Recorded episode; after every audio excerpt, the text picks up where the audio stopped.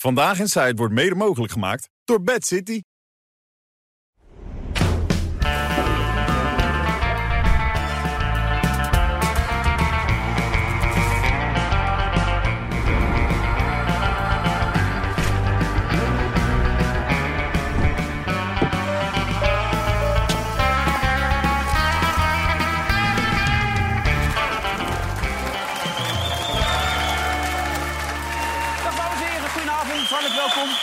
Uitzending van Vandaag in Zuid. Dinsdag 10 oktober dit jaar 2023 met Johan Derksen, met Job Knoester, met René van der Grijp, met Merel Eka en met Pieter Kobelens. Ja.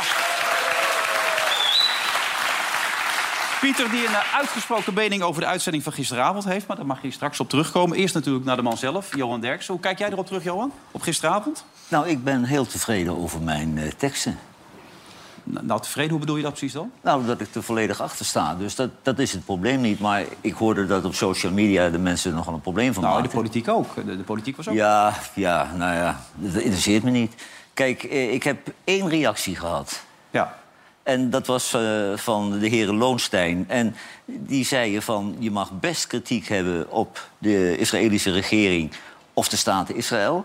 Maar jij zei, eh, de Joden hebben er een beetje om gevraagd. Ja. En dan spelen wij in Amsterdam plotseling ook een rol. Dat vinden we vervelend. Nou, had hij een punt. Ja. Maar inhoudelijk verandert het niet. Dus je bedoelt te zeggen, de Israëli's hebben zich... eh, Nou ja, ik had, kritiek gewerkt. op, ik had kritiek op de Israëlische regering. Ja. En ik heb dat benoemd als Joden. Ja. En dan ben je heel erg generaliserend. Maar even voor de duidelijkheid, dat, dat geweld, dat, dat verafschuw je op alle manieren, toch? Neem ik Ja, aan dat dat maar is. dat geweld, die slachtpartij, dat is weerzinwekkend. Maar dat doet alleen een terroristische organisatie. In andere landen, die onthoofdingen, zijn ook terroristische Net als. IS is Hamas een terroristische Precies. organisatie. Precies. En Hamas is iets totaal anders dan eh, het volk, de Palestijnen. Alleen, die hebben de pech dat Hamas zich daar laf verschuilt tussen die bevolking. Hmm. Die door Israël in lengte van jaren op een mensonterende manier opgesloten is daar. Die kunnen geen kant op, er is armoede, geen medische begeleiding. Ze hebben nu alle toevoerwegen, er is geen eten, geen drinken, geen, eh, geen energie. Ja. En ik vind als Israël eh, boos is op Hamas, die mogen ze voor mij allemaal uitroeien. Maar nu gaan ze dus bombardementen uitvoeren. En dan kunnen ze natuurlijk wel precisiewapens hebben, maar dat kost heel veel eh, onschuldige leden daar die daar wonen. Ja. En het erge is, die mensen vluchten. Maar die kunnen ergens, eigenlijk nergens naar, naar, he- naar heen. Want het is, het is een heel klein landje. Twee keer Tessel is het. Ja. ja. dus je zit als ratten in de val. En dan toch bombarderen. En dan denk ik, maar dat weet Pieter natuurlijk beter dan ik... er zijn ook spelregels voor om oorlog te voeren. Mhm. En ik heb altijd gehoord dat als je geen militaire doelen bestookt... maar gewoon bommen gooit op appartementencomplexen waar mensen wonen... dat je dan eigenlijk in Scheveningen voor de rechtbank moet verschijnen. La- Laten we even kijken, ter samenvatting van wat er allemaal gisteravond ter sprake kwam. Natuurlijk is het erg. Maar we moeten ook niet vergeten dat de Joden er wel een beetje om gevraagd hebben. Want die Palestijnen zijn echt als honden behandeld. De reactie van heel Nederland stoorde me. Voor de bühne meteen blind eh, de kant van Israël kiezen. Die beestachtige slachtpartij, dat is, dat is terrorisme, dat keurt iedereen af. Ja. Maar Israël laat nu de gewone burgerbevolking in de Gazastrook eh, bloeden voor een terroristische organisatie die toevallig daar eh, zijn basis heeft. Iedereen keurt dat af, een. Ja, terroristische beestachtig, actie. ja. Vreselijk, beestachtig. Maar wat Israël nu doet, is even beestachtig. Ik ben niet partijdig wat dat betreft. Ik vind dat Hamas zich misdraagt en ik vind dat Israël zich ook misdraagt. Ja, ik denk vooral het zinnetje, die hebben er een beetje op gevraagd... dat dat denk ik verkeerd uitgelegd is. Want wat jij daarmee aangeeft, niemand vraagt om dat kinderen worden afgeslacht... vrouwen worden verkracht, Nee, eh, Wil- mensen worden vermoord. als, je, Ja. als, als jonge mensen, hè, de, de, de gemiddelde leeftijd is erg jong daar. Daar wonen 2,3 miljoen jonge mensen eigenlijk. Als die opgroeien met angst en die zijn gefrustreerd en er zit woede in... en als in hun midden Hamas opereert... dan is het heel makkelijk voor Hamas om jongelui die helemaal boordevol haan zitten... eh, erbij te betrekken en het vuile werk te laten doen. Dus Israël die had dat moeten weten, dat, dat hing in de lucht. Dat, dat moet je dan een keer verwachten. Ja, en die zijn totaal, uh, totaal onverwachts zijn ze, zijn ze overvallen. Hmm. En ja, dat is wel een beetje een afgang. En uh, Netanyahu, die heel slecht ligt in Israël... want de helft van de bevolking is tegen die man... maar die wil nu zijn politieke hachje redden... door zeg maar wild om zich heen te slaan. Ja, ik zei het net over de politiek. Merel, in, in Den Haag was er wel de nodige consternatie... ook over deze uitzending. Zeker. Uh, er, er werd heel veel gereageerd op. Ja, daar zit jij natuurlijk niet op. Maar op Twitter, uh, vanochtend bij uh, WNL, werd er ook gereageerd. En we spraken Rutte sowieso over dit conflict. Maar ook heel eventjes over de uitspraak van Johan. En dit zei hij erover. Ik zou zeggen, Johan, uh, uh, neem die uitspraak terug. Hè, dat de Joden dit zelf over zich hebben afgeroepen. Dat was letterlijk te zien. Uh, volgens mij zou het hem zeer, zo ken ik hem trouwens ook, dat hij die uitspraak, uitspraak terugneemt. Nou ja, Israël heeft het zelf afgeroepen.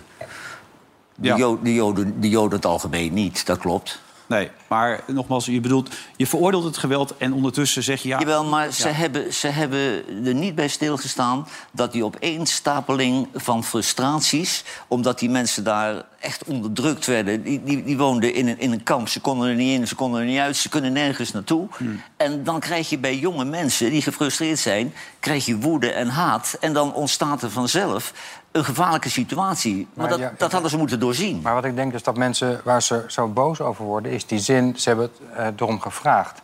En een beetje om gevraagd. Ja, maar ik denk, wat ik me niet kan voorstellen is als je ziet wat er is gebeurd. Kinderen worden vermoord. Daar hebben ze niet om gevraagd. Precies. Maar om de, dit soort terroristische uh, reacties, daar hebben ze min of meer om gevraagd. Ja, vind maar, ik. maar, ja, maar die zin wordt nu overal uitgeknipt en dan gaat men. Ja, maar ja, dat weet je met social media. Dat, dat, dat halen ze eruit en dan word je gecanceld door heel Nederland. Heb jij veel reacties gehad, René? Nee, totaal niet. Maar dat, dat, dat, dat doen mensen nooit bij mij. Maar in ieder geval, ik vind wel dat. Uh, ja, het, het, wordt steeds gekker natuurlijk. Hè. Die hebben gewoon baby's, hebben ze onthoofd. Ja, het is verschrikkelijk als je het leest. Het is, het is werkelijk, het is barbaars. Het is, het is, Oude mensen in hun eigen huis. Het is krankzinnig, het is werkelijk. Maar ook nu, nu komen er ook steeds meer foto's van, uh, van in die Gazastrook... waar, waar, dan, waar dan vaders naast hun dode kinderen liggen. Ja. En uh, ja. in ziekenhuizen, ja, dat is echt... Het is, ja, het is krankzinnig. Ja. Het is krankzinnig. En, uh, maar nee, vaak Nee, reacties krijg ik, uh, krijg ik. Maar vind je dan niet, René, dat de daders moeten opgespoord worden? En die mag je van nee. mij mee doen wat je wil. Maar, maar, mensen die daar toevallig wonen, al jaren ja, maar, onder slechte omstandigheden, die worden nu gebombardeerd. Ja, ik snap wel als, als die. Kijk, die gruwelijkheden op dat festival, maar ook die gruwelijkheden net in de buurt van Gaza, waar ze dan kinderen onthoofd hebben, mensen verkracht hebben, oude mensen. Ze hebben ook nog gewoon 50, 60, 70, 80 kinderen meegenomen. Ja. Hele jonge ja, kinderen ook. Ja, ja baby's. Ja. Dat, is, dat is zo buiten ik denk als het zo. Dat is zo buiten, is. zo barbaars. Ja. Daar dan... kan je nog geen eens een voorstelling van maken. Maar dan, dan begrijp ik wel dat je eerste gedachte is: we gaan, we gaan het vergelden. En dat vergelden, daar krijgen we nu foto's van. Dus dat de vader naast twee dodere kinderen ligt in het ziekenhuis. Dat, dat is ook de weg niet. Dat begrijp ik ook. Maar als je die enorme beestachtigheid ziet... Weet ik. Kan uitleggen, dan is er bij mij op zo'n moment geen enkele ruimte voor nuance. Dat komt later nee, misschien. Nee, maar er is geen ruimte voor nuance. Kijk, ja, maar het eerste waar je aan denkt is vergelden. Maar wat heb je nu? Dat er dadelijk honderden dode kinderen liggen in, in, uh, in Gaza. Ik, ik wil toch even dat... naar de, de oud-generaal toe, hoe die naar kijkt. Pieter, hoe kijk jij hier naar? Nou, laten we eens naar de feiten kijken en naar het militair perspectief. Uh, er is aangekondigd dat er een grondoffensief gaat plaatsvinden. En dat wordt voorafgegaan door luchtoffensief. Dat vindt nu plaats. De aanname van Johan is dat er lukraak wordt gebombardeerd. Dat, uh, ik denk niet dat dat juist is. Uh, want ondanks het feit dat de inlichtingendiensten toch wel een steek hebben laten vallen... weten ze relatief best wel wat er gebeurt. En zullen ze ook de, de belangrijke doelen nou, Pieter, eruit met halen. respect, jij ziet die foto's toch? Ja, maar even even gewoon puur feitelijk. Want ik heb ook dode mensen gezien, daar word je nooit vrolijk van. Maakt niet uit uh, wat nee, voor een kleur of waar ze van zijn. Maar de hele dorpen weg. Maar dat je als land uh, het recht hebt jezelf te verdedigen. En die noodzaak is er ook. Dat je militair het offensief terugbrengt naar je vijand. Want er wordt nog steeds raketten geschoten vanaf Gaza hè, op jouw land. Moet je dan zeggen, ja, we moeten toch even wat proportioneel bedenken hoe we daarmee omgaan. Die muur staat niet voor niks om Gaza heen. Ja, maar als je Dat is het enige wat, ze, enige wat ze konden bedenken... omdat er regelmatig terroristische aanslagen... ook buiten deze periode plaatsvinden. Ik ben diverse keer in Israël geweest... waarvan ik twee in een bunker heb doorgebracht... omdat er weer lukraak raketten werden Maar er afgestoten. gebeurt Dus- natuurlijk wel meer dan precisieaanvallen. Want ze snijden ook lijnen af, voeding en water, dat soort dingen. Dus Ja, daar maakt dat. iedereen zich verschrikkelijk druk over. Maar als daar bombardementen plaatsvinden... hoe lang denk je de waterleidingen aan water blijven geven? En hoe lang die elektriciteit in die 400... Nou, dat is een beetje strijd met wat je net zegt. Want als er precisiebombardementen zijn... dan is dat juist niet op het hele Nee, maar je, bent, je komt een beetje uit een ei als je denkt als er een bom op een gebouw valt... dat dan alle waterleidingen eromheen daarbij bespaard blijven. Maar daar Daar wil jij zeggen dat het dus niet in strijd is met het oorlogsrecht... om Nee, dat nee, dat zei ik. Maar helemaal daar hebben we niet. het dus ook Dat onderwerp hebben we helemaal niet gehad. Het gaat erover dat het land het recht heeft om zich te verdedigen. Ze zijn aangevallen door een terroristische organisatie. Ik vind het ook niet juist als jij zegt... ja, maar toevallig zit Hamas tussen die arme bevolking. Een gedeelte van de bevolking is Hamas. Dat Dus, doe nou- dus laat nou, maak het dan niet... Maar dan moet de hele Simpel. bevolking uitgeroeid worden? Nee, maar er is nog geen bevolking uitgeroeid. Je begon er gisteren over. Er moesten de eerste aanvallen nog plaatsvinden. Dus ik vond het gisteren ergerlijk dat A. Dat je het had over eh, een, dat als Israël terug zou aanvallen, dat dat een terroristische daad was. Dat is volledig in het kader van het internationale recht. Je recht om je bevolking te beschermen. Er worden nu nog raketten geschoten vanuit Gaza. Dus dat vond ik fout. De anderen hebben het net over gehad. En jou, of je Joden of Israël zegt. Ik vond dat onbetamelijk, terwijl de lijken nog warm waren. En ik vind dat als je eh, kijkt naar hoe een land internationaal opereert... dan worden ze ook gehouden aan het internationaal recht. Nou, we hebben vandaag al discussies gehad of dat wel of niet proportioneel zal zijn. Nou, laten we kijken of ze dat doen. Daar worden ze wel aan gehouden. Het is een land wat eh, onder de Verenigde Naties valt. Het is een land wat zich aan internationaal recht moet houden. En dat kun je van de Hamas kun je niet zeggen. En dat het burgerdoden vallen of gaan vallen, zonder twijfel. Dat was vandaag ook in de Tweede Kamer, waar eh, de- vrijwel de hele Tweede Kamer eh, op een paar partijen die gingen achter het feit staan dat Israël recht heeft op zelfverdediging. Maar wat partijen zich wel afvroegen. Hoe ver gaat dat dan? Ja. En inderdaad, gaan ze straks niet eh, door het internationaal recht heen... als je bijvoorbeeld kijkt naar die afsluiting die ze hebben aangekondigd. En daar hebben we Rutte ook nog even naar gevraagd.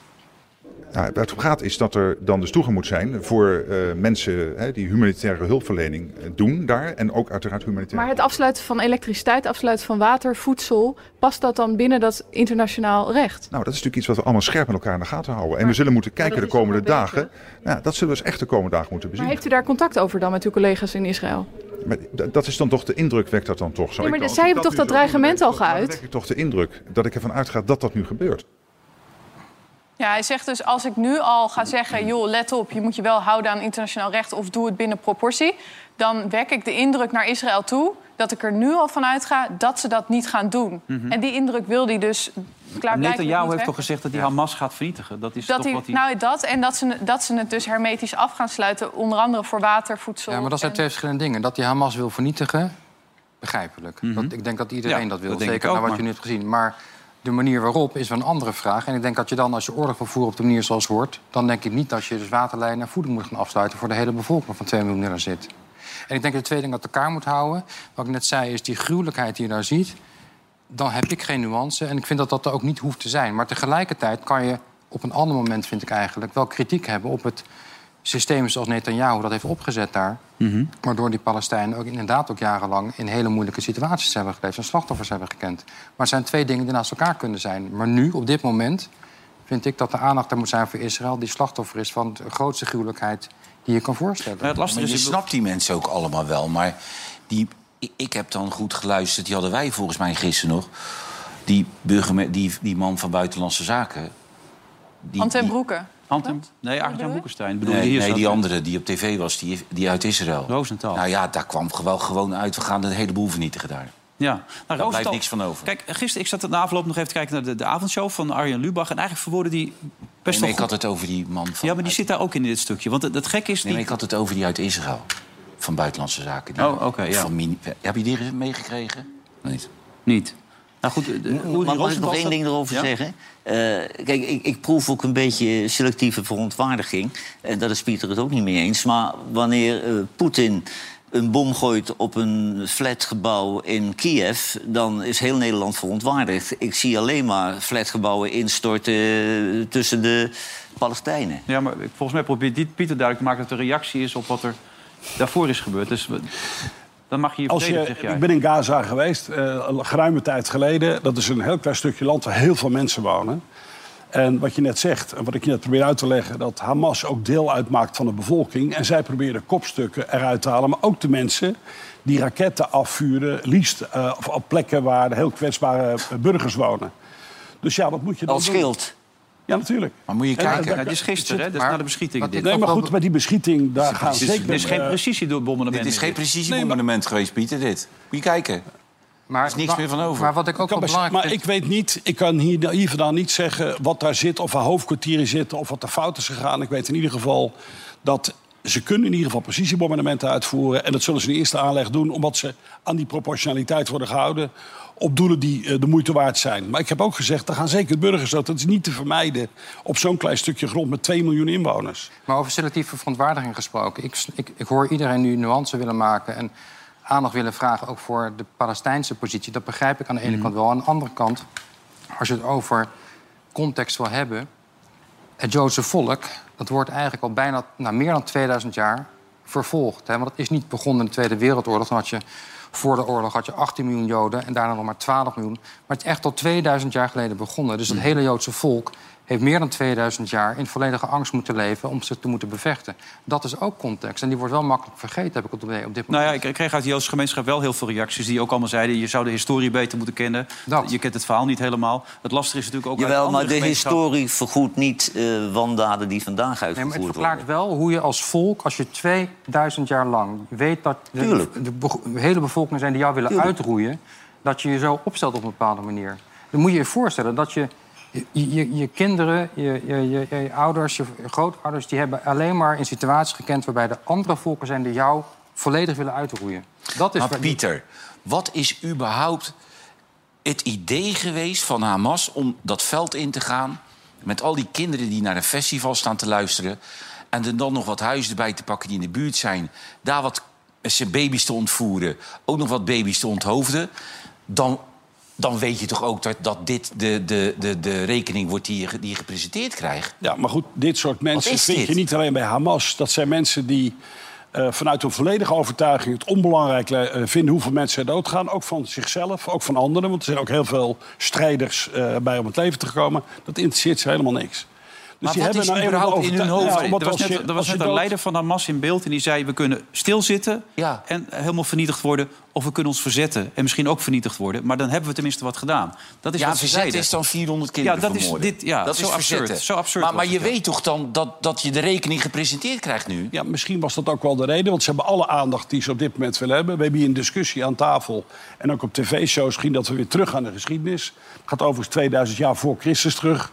Toen bestond er al een Israël en een Judea. Dat, eh, maar iedereen pakt een stukje selectief wat hem in de historie het beste uitkomt. Daar kom je natuurlijk nooit uit. Eh, we hebben na de vervolging in eh, de Tweede Wereldoorlog in 48 is die staat ontstaan. Een dag later was er oorlog met alle omliggende landen. En jij zegt 2000 jaar in angst. Ik heb de laatste 14 jaar van mijn diensttijd ben ik heel vaak in Israël geweest. Die leven elke dag in staat van oorlog. Ja, dat Want ik weet niet of iedereen weet hoe groot Israël is. Dat is Noord- en Zuid-Holland. Ja. Ik hoorde van de week iemand zeggen... welke idioot doet een festival 30 kilometer van eh Gaza-grens. Dan zit je al aan de oostgrens van Israël. Dan is Israël al op. Dus als Israël geen strategie heeft van oog om oog, tand om tand... als ze niet een offensief plegen zoals ze dat nu doen... dan worden ze elke week onder de voet gelopen. Ze leven elke dag in angst. Ja, dat- en ik denk ook overigens dat het een van de redenen is... dat de inlichtingendienst dat gemist heeft. Want ik krijg diverse horen, ze hebben het echt gemist... Nee, maar denk jij niet... Nee, Pieter, dan. Ja. En ze hebben dat gemist omdat ze hebben alle aandacht gevestigd op de westelijke Jordaanoever. Dat is een groter gebied. Er zijn heel veel Joodse nederzettingen waar zoveel ophef over is. Maar ja, waar wel eh, Israëli's wonen tussen Arabische bevolking. Daar hebben ze volledig een aandacht op gevestigd. En de muur zou voldoende moeten zijn om alle aanslagen die ze van daaruit kregen... om die tegen te houden. Er is ook observatieapparatuur. Die hebben totaal de plank misgeslagen. Bovendien zijn er duidelijke aanwijzingen dat ze hier al maanden mee bezig zijn. Dat ze volledige medewerking hebben gekregen van Iran. Want die raketten komen of uit Iran of de technologie komt er vandaan. Om het zelf gemaakt. Ja, maar dat kun je, neem dat maar van mij aan dan. Ja, ja, Dat is niet van jij. Het is niet zo dat je eh 2500 raketten opeens even van je zolder haalt. Maar hoe komen die binnen? Er kan niks in en uit. smokkel. Je, hebt, je, onder, je onderschat het tunnelsysteem wat daar regelmatig eh, eh, wordt aangepakt. Wat je tussen Noord- En Zuid-Korea, als je ooit een keer op vakantie gaat en kijkt wat er allemaal niet gebeurt...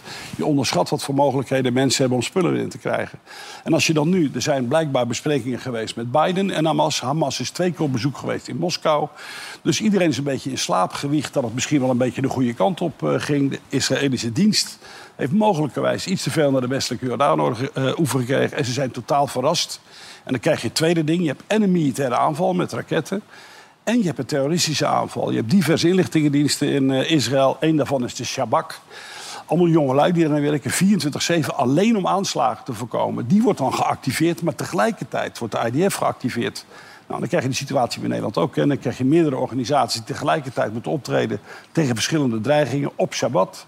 50 jaar en één dag na Yom Kippur. En je hebt een heel land op je linkerbeen. En ik kan je wel zeggen, heb de reacties die ik krijg... zijn exact hetzelfde wat ik hoorde van mijn Amerikaanse vrienden na 9-11. Totaal gechoqueerd dat ze zo onveilig waren. Dat hebben ze nooit zien aankomen. Dat land is totaal aan shambles. Dus in die gemoedstoestand moet je alles wat gisteren verteld is... en alles wat je nu ziet, vanuit die gemoedstoestand moet je dat beredeneren. Is er bekend hoeveel leden die terroristische organisatie heeft? Dat zijn diverse duizenden, wonen niet alleen, in, eh, eh, niet alleen daar. Ze zijn over meerdere landen eh, verdeeld. Vandaag gingen er verhalen dat er 1500 eh, strijders om het leven zouden zijn gebracht. Ik vond het nogal nepnieuwsig klinken, weet ik niet. Maar duizenden in ieder geval. Jawel, maar laat het nou duizenden zijn. Er wonen 2,3 miljoen mensen daar. En die zijn nu vogelvrij. Want die kunnen geen kant op, hè? Je kunt, je kunt niet eens vluchten. Nee, maar je hoeft mij En, niet en, uit te en, leggen en dat dat toch een spervuur van raketten daarheen. Ja. Omdat eh, de president van Israël zijn nek wil redden. Ja, maar wat zou je dan Ah, dat voor je wel je- erg, dat je die aanslag Nou, incasseert? Ik vind dat je op zoek moet naar de daders. Ja, Ja, maar, maar dat die gaan wel juist zitten daar. Maar je kunt toch niet 2 miljoen mensen neermaaien... Maar- en dan redeneren van, dan moeten de daders dan bij zitten? Johan, dat hebben ze jaren gedaan. Daar zitten er 4.500 van in eh, gevangenissen in Israël. Waar iedereen zegt, je kunt die mensen toch niet vernieuwd van straat halen. Dus het, het voor de, de, de maatregelen om het te voorkomen... de muur om het te voorkomen, hebben allemaal gefaald. Dus ja, dan is er nog maar één ding blijft erover... als je wilt dat het ophoudt. Maar jij zegt ze gaan een grondoffensief doen. Gaan ze dat dan doen om die mensen daar weg te halen, de Absoluut. daders? Ze gaan daar niet in om eh, eh, hetzelfde te doen wat hun overkomen is... om mensen uit te moorden. Daar gaan ze echt achter de kopstukken en achter Hamas-leden aan. En daar zullen ze heel lang mee doorgaan, ook als die oorlog ophoudt. Ja, maar dit wordt toch een humanitaire ramp? of niet? Nee, dat denk ik niet. Er is Nee? een stuk gr- grondgebied te klein voor bovendien. Vanuit militair perspectief, als Hezbollah in Libanon in het noorden zich ermee gaat bemoeien... dan hebben ze een dreiging vanuit het noorden. Ja. Als de westelijke Jordaan-oever die onder de auspicie van Fatah valt... en Abbas die in leven wordt gehouden, een 87-jarige president... als die er ze ook mee gaan bemoeien, dan heeft het leger iets meer werk. Ja. Vergeet niet, ze kunnen 3 miljoen man eh, mobiliseren, de Israëli's. Zijn er nu ruim 300.000. Ze nemen het zeer serieus. Jij zei net dat de Hamas ook in eh, Moskou is geweest. Denk je niet dat Rusland, want die profiteert hiervan... dat die hier ook iets mee te maken hebben op de achtergrond? Dat, Banden met Iran? Dat zou kunnen, maar er is iets heel merkwaardigs. Er is ook een redelijke eh, eh, band tussen Rusland en Israël. Die hebben gewoon zaken met elkaar gedaan. Uh, Nagorno-Karabakh is jullie misschien niet ontgaan een paar weken geleden. Daar heeft Azerbeidzjan eh, de Armeense enclave ingenomen. Maar Azerbeidzjan werd bewapend door Israël met goedkeuring van Rusland. Ja. Dus er zijn contacten tussen Rusland en Israël. En vandaag, of gisteren, heeft Medvedev, de oud-president, gezegd... ja, er is maar één land wat daar de vredesonderhandelingen kan doen, dat zijn wij. Nou, wat ik, ik Dus alle even- aandacht van de Oekraïne af. En je, iedereen heeft- vredestichter. Of die heeft de waarheid, of die heeft de waarheid. Maar hij, hij verwoordt het gisteren wel goed eigenlijk, zijn avondshow. En het is ook ingewikkeld. Hè? Maar, maar het zou al schelen als mensen konden accepteren... dat twee dingen tegelijk waar kunnen zijn. Dat en deze aanvallen van Hamas heel erg slecht en beestacht- beestachtig zijn... en dat Israël al heel lang de Palestijnen onderdrukt. En dat kun je allebei vinden zonder dat je daarmee het een of het ander goed praat. En je kunt ook niet ontkennen dat die dingen iets met elkaar te maken hebben. Tenminste, dacht ik, tot ik oud-minister van Buitenlandse Zaken Uri Rosenthal dat zag doen bij Op1. En ik, ik wou toch ook wel zeggen, dit, dit bloedbad, deze moorddadige toestand. Ik weiger op dit ogenblik, zeg ik maar even hier ook... ik weiger elke relatie te leggen, verbinding te leggen... naar het Palestijnse-Israëlische conflict en alles wat eraan vastzit. Ja. Het Palestijnse-Israëlisch conflict heeft er volgens Rosenthal niets mee te maken. Niets. Maar dan ook helemaal niets. Bezetting van de Gazastrook? Niets. Yom Kippur-oorlog? Niets. Maar dat is toch absurd om dat te denken? Nee, maar die Roosendaal, toen hij minister van Buitenlandse Zaken was... noemden ze hem in Den Haag Guust uh, Vlater. En hij was verantwoordelijk als minister van Buitenlandse Zaken... toen een Nederlandse vrouw te dood veroordeeld werd in Iran. Hmm. En hij zou actie gaan ondernemen. En toen ging hij dat doen. En toen bleek zijn dag eerder net... Uh... Nee, maar toch vind ik het niet zo absurd als je hier ook in wat hij zegt... als je wil, je moet de vraag stellen, wat zegt hij nou? Als, hij, als, als mensen terugslaan, dan heeft dat relatie. Maar de mate van gruwelijkheid mag je dat laten... Nee, maar wat Johan probeert te verwoorden... ik denk dat ook wat, wat, wat, wat ook Arjan Lubach zegt... Het is al heel lang sprake van een onderdrukking en een woede die steeds groter en groter en groter wordt. Dat zich dit verwoord in deze beestachtige uitingen, dat is natuurlijk belachelijk, absurd, idioot. Maar dat er woede is en onmacht, dat kun je toch niet ontkennen? Dat kan je niet Je had het net over de Westbank, maar al die nederzettingen die maar steeds verder worden uitgebreid. Die mensen moeten steeds verder terug, die raken al hun land kwijt. Er ontstaat toch wel iets dan, dat snap je toch? Zeker, maar nu gaan we naar de oorzaken kijken. En dan komen we de discussie waar we hier niet uitkomen. Waar heel Nederland elkaar gek aan zit te kijken. Waar het onderwerp wordt ook gehijacked door sommige jongeren om een beetje rotzooi te trappen. Dat lossen we hier uh, niet op. De enige manier waarop we dat probleem daar kunnen oplossen is overigens net als in de Oekraïne aan de onderhandelingstafel. Maar ja, op het moment dat je mensen gaat uitmoorden.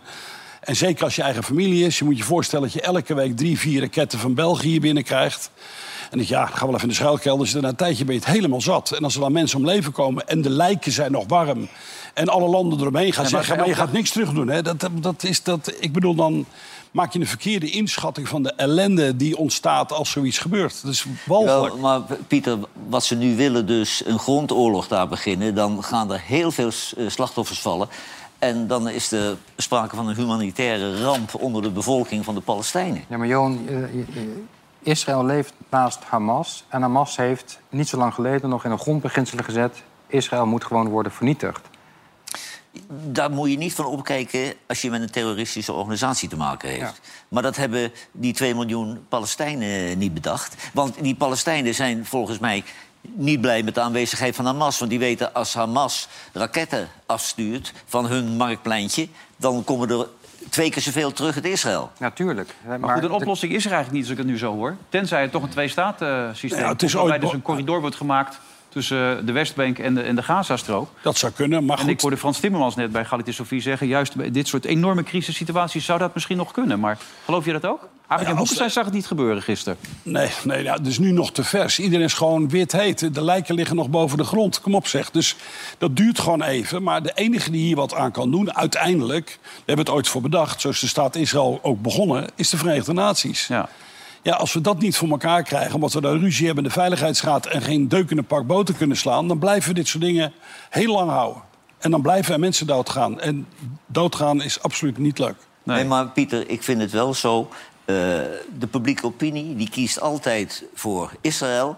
De Palestijnen, dat zijn de bad guys. Maar de Palestijnen, die moet je niet over één kam scheren met Hamas dat zijn twee verschillende groeperingen. Ja, dat zeg je nu een paar keer. Maar als het nou zo duidelijk was, dan was het ook makkelijker om ze eruit te halen en weg te halen. Maar dat loopt in elkaar over. Het is maar jij vindt, kijk, ik, ik schrik ervan dat jij het dan uh, legaal vindt om dan maar een machinegeweer erop te zetten. En dan zit er wel een van nee, Hamas nee. bij. Ik heb gezegd dat wij hebben afgesproken internationaal dat het proportioneel moet zijn. Dus je hoort mij niet zeggen dat we per definitie burgers moeten dood worden gemaakt. Sterker nog, we hebben zelf allemaal regels om het zoveel mogelijk te vermijden. En lukt het niet, sta je voor de krijgsraad of sta je voor het internationaal gerechtshof. Maar ja, 10 bij 40 kilometer, 2 miljoen mensen, dat wordt best ingewikkeld. En ik deel je mening niet dat je Hamas zich een beetje verbergt tussen de lokale bevolking en verder niks met de lokale bevolking te maken heeft. Nee, zit Zo nu, makkelijk we is zitten nu in een soort herhaling. Ik denk dat we er niet uit gaan komen vanavond. Maar, goed, maar ik denk niet dat de lokale bevolking eh, het lef heeft om mensen van Hamas te verraden. Hè? Want dat, dat... Nee, dat is levensgevaarlijk. Dat, Precies. Die mensen zijn doodsbang allemaal. We zullen de komende dagen nog door gaan praten. En wat jij schetst, het beeld, dat is wat je vaak ja, al schetst in Oekraïne. Het is verschrikkelijk de gedachte wat er nu allemaal nog gaat gebeuren. Schrijf uit als je die foto's ziet, man. Dan kan je wel zeggen, ja, zijn ze, zijn ze fake of niet. Schrijf uit, man. Ja. Dat is echt vreselijk. En ondertussen worstelen wij in ons eigen land met allerlei problemen. Dus we proberen... De blessures van Oranje. Blessures van Oranje. Een referendum gaat er komen, begrijp ik? Nou, nee, co collectief referendum is een stapje dichterbij. Ja. Uh, tweederde meerderheid nu in de Eerste Kamer. Maar er moet na de verkiezingen straks een tweederde meerderheid in de Tweede Kamer weer komen.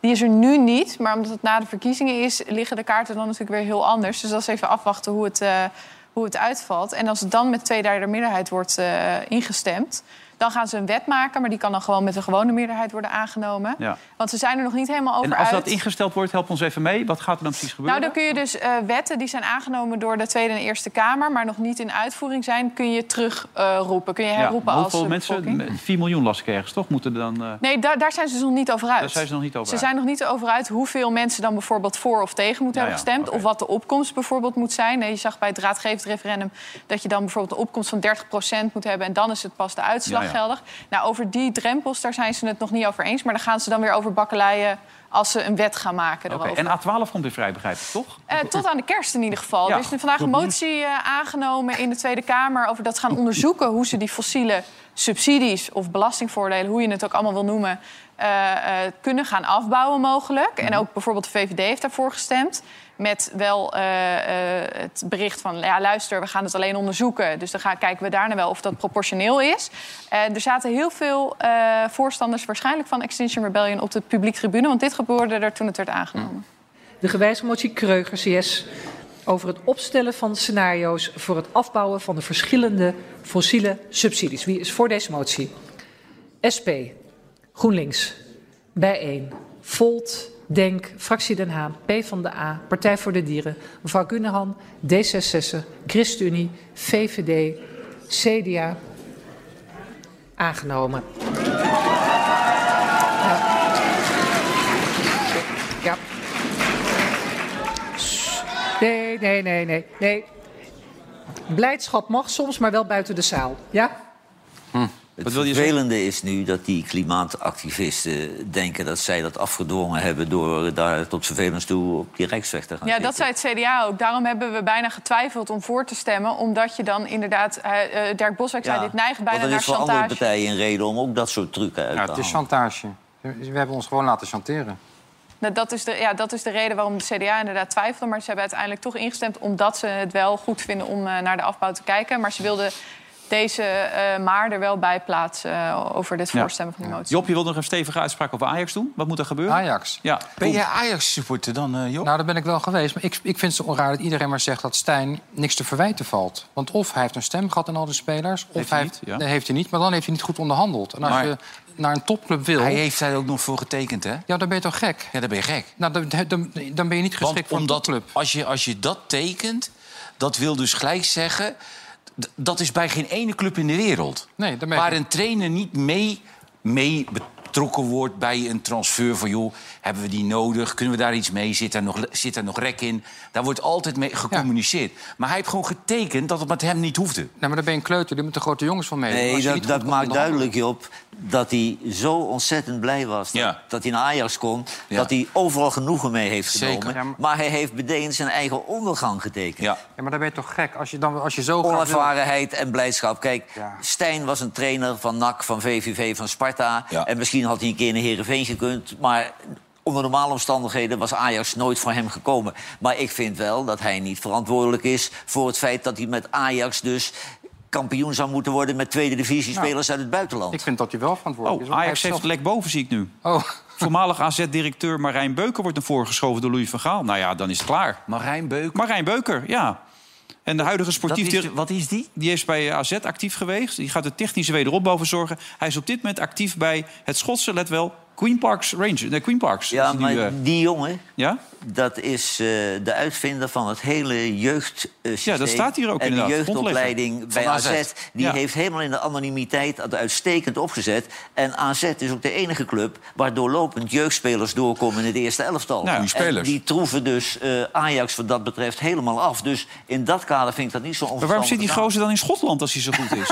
Ja, maar dat was een jongen zonder voetbal. eh, zon- hij had zelf niet hoog gevoetbald. Ja, en uit die Arnhem. is helemaal bij AZ groot geworden. Maar daar was intern heel veel waardering voor. Ja, staat hier ook. Van 2007 tot 2013. Talentdirecteur voetbalontwikkeling. Allemaal alleen maar positieve geluiden. Maar ja, je verwacht, ja, waarom zit zo'n gozer dan daar? In, Ja, in- zit zou je bij- zeggen Paris Saint-Germain? Ja, Barcelona. nee, maar het is ja, ook nooit dan. goed. Je moet onderaan beginnen, zeggen we. Dan doet iemand dat en dan... Nee, je gaat van AZ... van AZ ga je toch niet naar Queen's je naar beneden. Queen's Parks. Queen's, Queen's Parks. Park. Ja, Queen's Parks. Ja. Klinkt toch goed? Je hebt Ja. nog geen eens stadion. Klinkt als een whisky. Nee, joh. ja. Ja. Als tiener en twintiger keek hij rond in de keuken bij AS Roma, Espanyol en Nice. En voerde hij gesprekken met vele prominenten uit de voetballerij. Daarna ging hij naar Queen's Park om daar de beste opleidingsclub van Schotland van te maken. Weet je, Queen's Park, Wilfred, Ja? dat is niet zo'n grote club. Nee. Maar dat is de club van Hamden Park. Die hebben wel het grootste stadion. Echt? Maar de competitiewedstrijden spelen ze op het bijveld ernaast. Want er komt niemand kijken. Nou, het Ajax straks ook. Ja. Spelen in de keukenkampioen-divisie met zo'n stadion. Maar goed, het lek is boven. Dat, eh, hij doet er wel gelijk wat aan. Gaal. Is wel, hij heeft een gek iemand aangerend. Nou, Zou ik net zeggen. Het is heeft niet dat hij, dat hij achterover gaat zitten Dat heeft of hij zo. goed Maar als Ajax de- degradeert, wat gebeurt er dan met jong Ajax? Nou ja, die gaan promoveren dan, denk ik. Laat die maar doorschakelen. Want die, mogen kunnen dan- niet, die kunnen niet promoveren, Die maar mogen Ajax kan wel Ja, degraderen. die mogen niet promoveren. Maar misschien dat ze dan een uitzondering kunnen maken... als er toch geen Ajax meer in de Eredivisie speelt. Ja, dat op- ze door kunnen dan, Ja. wisselen. Ja, ze hebben Ja. ook nog een amateur. Ik denk dat ze een Dort eh, er al eh, helemaal mee bezig zijn, hè? Ajax ja, ja, ja. Ja, Ja. nou, zometeen veel meer na de reclame. Tot zo.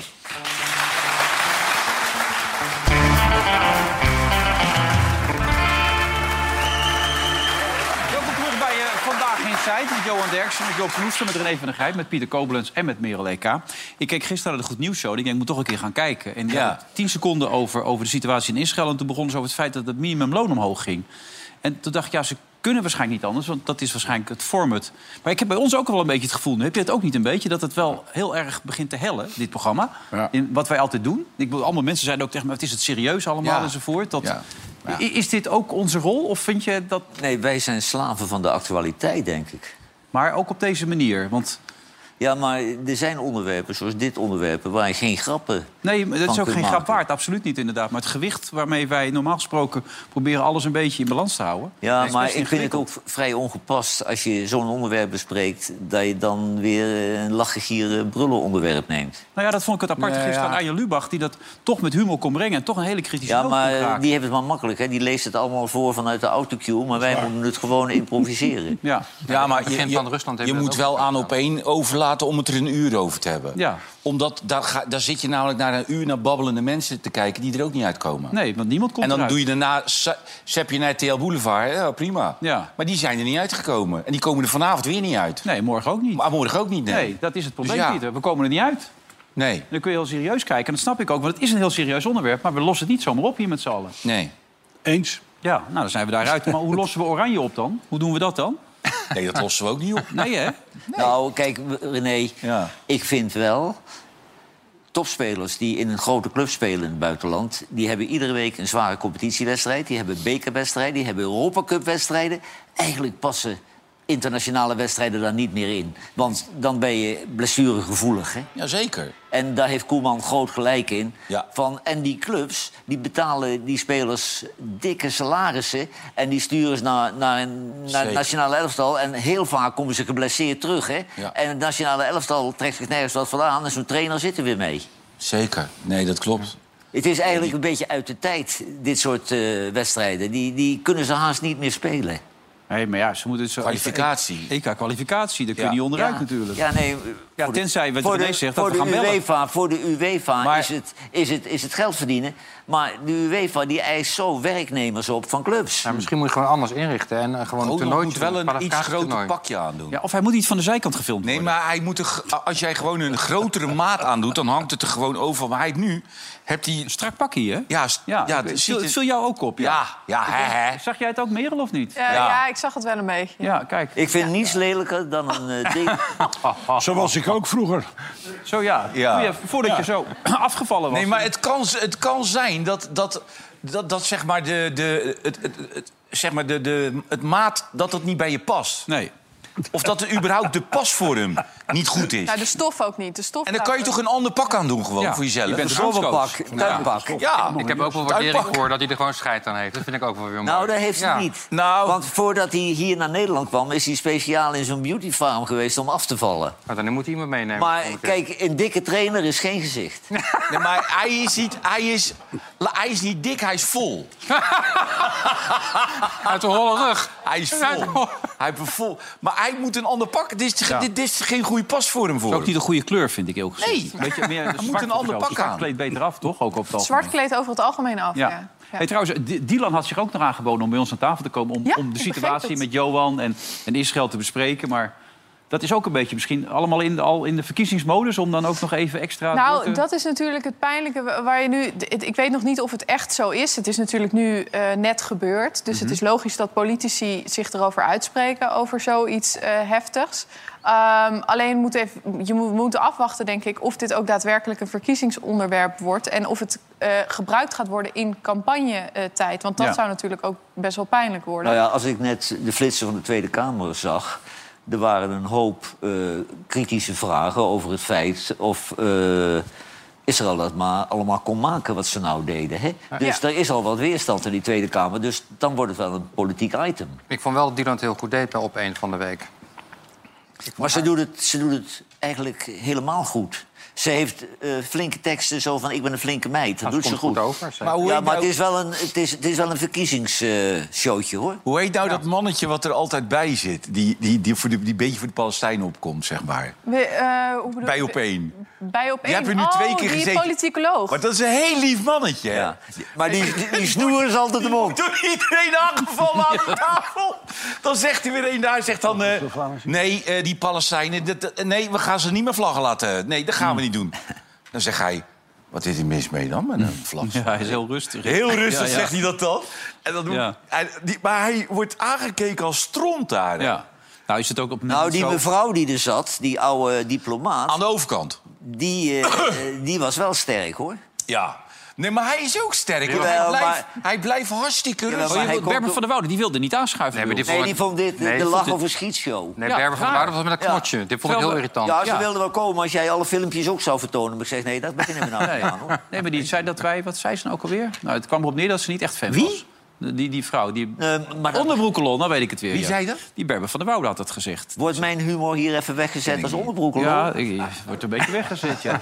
ik kreeg net door dat het internationaal strafhof... Israël zou het niet erkennen. eh, Maar je hebt natuurlijk ook nog nucleaire dreiging op deze manier. Hè? Met, met, Ja, ja, goed, het is een publiek geheim dat de Israëli's eh, over nucleaire capaciteit die eh, zullen op beschikken. door Gaza heen zetten. Maar als er oorlog omheen gaat komen, dan... Ze hebben geen verdrag ondertekend. Wat andere, waar Rusland zich overigens ook uit teruggetrokken heeft. Dus ja, ook dat is nog iets. Ja. Als ze ergens nauw zouden komen, dan weet je het niet.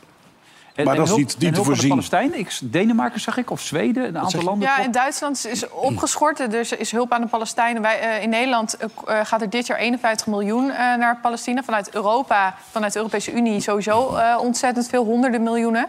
Ehm, en de vraag was nu, moet je, moet je dat opschorten? Binnen, in Europa zijn eurocommissaris... ja, we schorten het op, werd toch weer teruggefloten. Nu gaan ze het niet opschorten, maar gaan ze goed tegen het licht houden... hoe ze dat dan en waar het terecht komt. Nee, die mensen vroeg- uithongeren, hongeren, dat, dat is, dat Nou is ja, oplossing. Dat is toch Rut- middeleeuws, mensen uithongeren? Ik vroeg aan Rutte wel van hoe weet je dan zeker dat die 51 miljoen die je dan dit jaar geeft en nog misschien een deel daarvan moet geven, hoe zorg je er dan voor? Hoe, hoe weet je zeker dat het niet in slechte handen terechtkomt? Nou, dat is natuurlijk iets waar je altijd naar kijkt. Je weet het nooit 100% zeker als je steun geeft. Maar je doet er alles aan dat het bij de goede mensen Maar komt. dat is, als u het niet 100% zeker weet, is dat dan nu niet extra risico om dat wel te geven? Dus kijk je altijd op momenten. Als je nu zou zeggen tegen de Westbank, tegen de Palestijnse autoriteit. Hamas heeft deze aanslag gepleegd. Dat is niet Palestijnen. Het is een terroristische organisatie die helaas de macht heeft gegrepen in een deel van het gebied van de Palestijnen, namelijk de Gazastrook. Als je nou zou zeggen, we gaan op de Westbank de hulp stilleggen, dan is dat toch een klap in het gezicht van alle redelijke Palestijnen. Pieter, ik ben, ik ben ook benieuwd, die Netanyahu, de, de helft van de bevolking in Israël is fel tegen die man. Maar is die oorlog zijn redding of zijn ondergang? Zijn redding, want eh, net zoals in Amerika ook het geval is... eh, je hebt in Israël heb je altijd gedonder in de Knesset... En meer verkiezingen dan Italië, geloof ik. Maar op het moment dat het land wordt aangevallen, is het één groot stuk beton. Dus hij, hij spint hier zeker Ja, goed nu- garen bij als het goed afloopt. Ja, nu, maar ik- nou, dat weet ik niet. Want er zijn nu al ook in de zogenaamde kwaliteitskanten aan Israël heel veel kritiek op hem. Dat hij een rol speelt in de ontwikkeling van dit probleem door zijn politiek. En ik vraag me dan af, als die oorlog voorbij is, of je dan nog steeds zo goed van af. Ik zeg ook als het goed afloopt. Maar nu zitten ze er middenin. Dit En nu is iedereen aflopen, gewoon Pieter? pisnijdig. En ja, het is een, eh, een hardliner. Dus. Nee, maar dit kan niet meer goed aflopen met wat er is gebeurd. Hé, hey, Lievert, heb jij, heb jij contacten bij op één? Heb ik contacten bij op één? Ik zie het lieve mannetje, wil ik gewoon Ja? iedere avond aan tafel. Dat is zo'n lief mannetje. Ik zou het met En hij wordt als stront aangekeken door iedereen, hè? Radi Soedi bedoel je? Radi Soedi, Ja, ja. Radi Soedi, ja. En anders gaat hij bij ons aan de bar zitten een keer. Ja, Radi Dat Soedi? zo'n lief mannetje. Ja, maar dat is heel vreemd, want hier krijgt hij het woord. Ja, maar hij is zo'n lief mannetje. En, Ja. en, die, en die zitten hem... Alles, als, als de man zegt vlag, vlag, zegt er dan even. Zo'n lief ventje. Maar er is nog geen burgemeester geweest die een vlag van de Palestijnen op het Nee. stadhuis heeft doorgezet. Hè? Nee. Ja, nou, dan moeten we... Terwijl daar in Vlaardingen alle aanleiding toe was. Die hebben een hele grote eh, Nee. groep Palestijnen daar wonen. De, de meeste wonen in Vlaardingen. Ja, ik denk dat dat nu niet gepast is, Johan, om nu een Palestijnenvlag op te houden. Nou, ik vind... Of je nou een Israëlische vlag ophangt of een Palestijnse vlag... dat vind ik echt precies hetzelfde. Dit is geen, dit is geen vlag van Hamas. Israëlische vlag. Nee, maar dan ga je de vlag ophangen van degene die... Je zit een Hamas beetje verbaasd te vandaan. kijken, Merel. Nee, nee, ja, nee. Ik, eh, Pieter begint dan tegen me te praten. En dan denk ik, horen mensen dat niet dan door de uitzending heen? Als- Dat geeft niet. Ik ben hier de regie? Ja, weet ik, weet niet, ik weet niet of ze jou dan uitzetten Maar of niet. wat- of dan In Vlaardingen hebben ze de Israëlische vlag gehangen... en de burgemeester is in gesprek gegaan met de Palestijnse gemeenschap. Dus eh, er hangt een Israëlische vlag eh, op Vlaardingen. Nou ja. Ik ben benieuwd wat voor uitzending we morgen maken. Eh, er gaat nog veel gebeuren. Die en hebben we helaas... morgen. Die hebben we morgen eigenlijk. Albert. Albert Verlinde. Oh, dat wordt, wordt een oorlijke uitzending. Ja? Ja. Ordinair? Nee, nee, nee. nee. Net, je weet, je, daar ben ik, ben ik tegen. Oké, daar ben je altijd op tegen. Ja. Nou Joop, goed dat je er was. Jij ook, Pieter? En jij natuurlijk ook. Meer op zien elkaar snel weer. Voor een nieuwe uitzending van dit programma. Vandaag in Site. Tot morgen. Dag.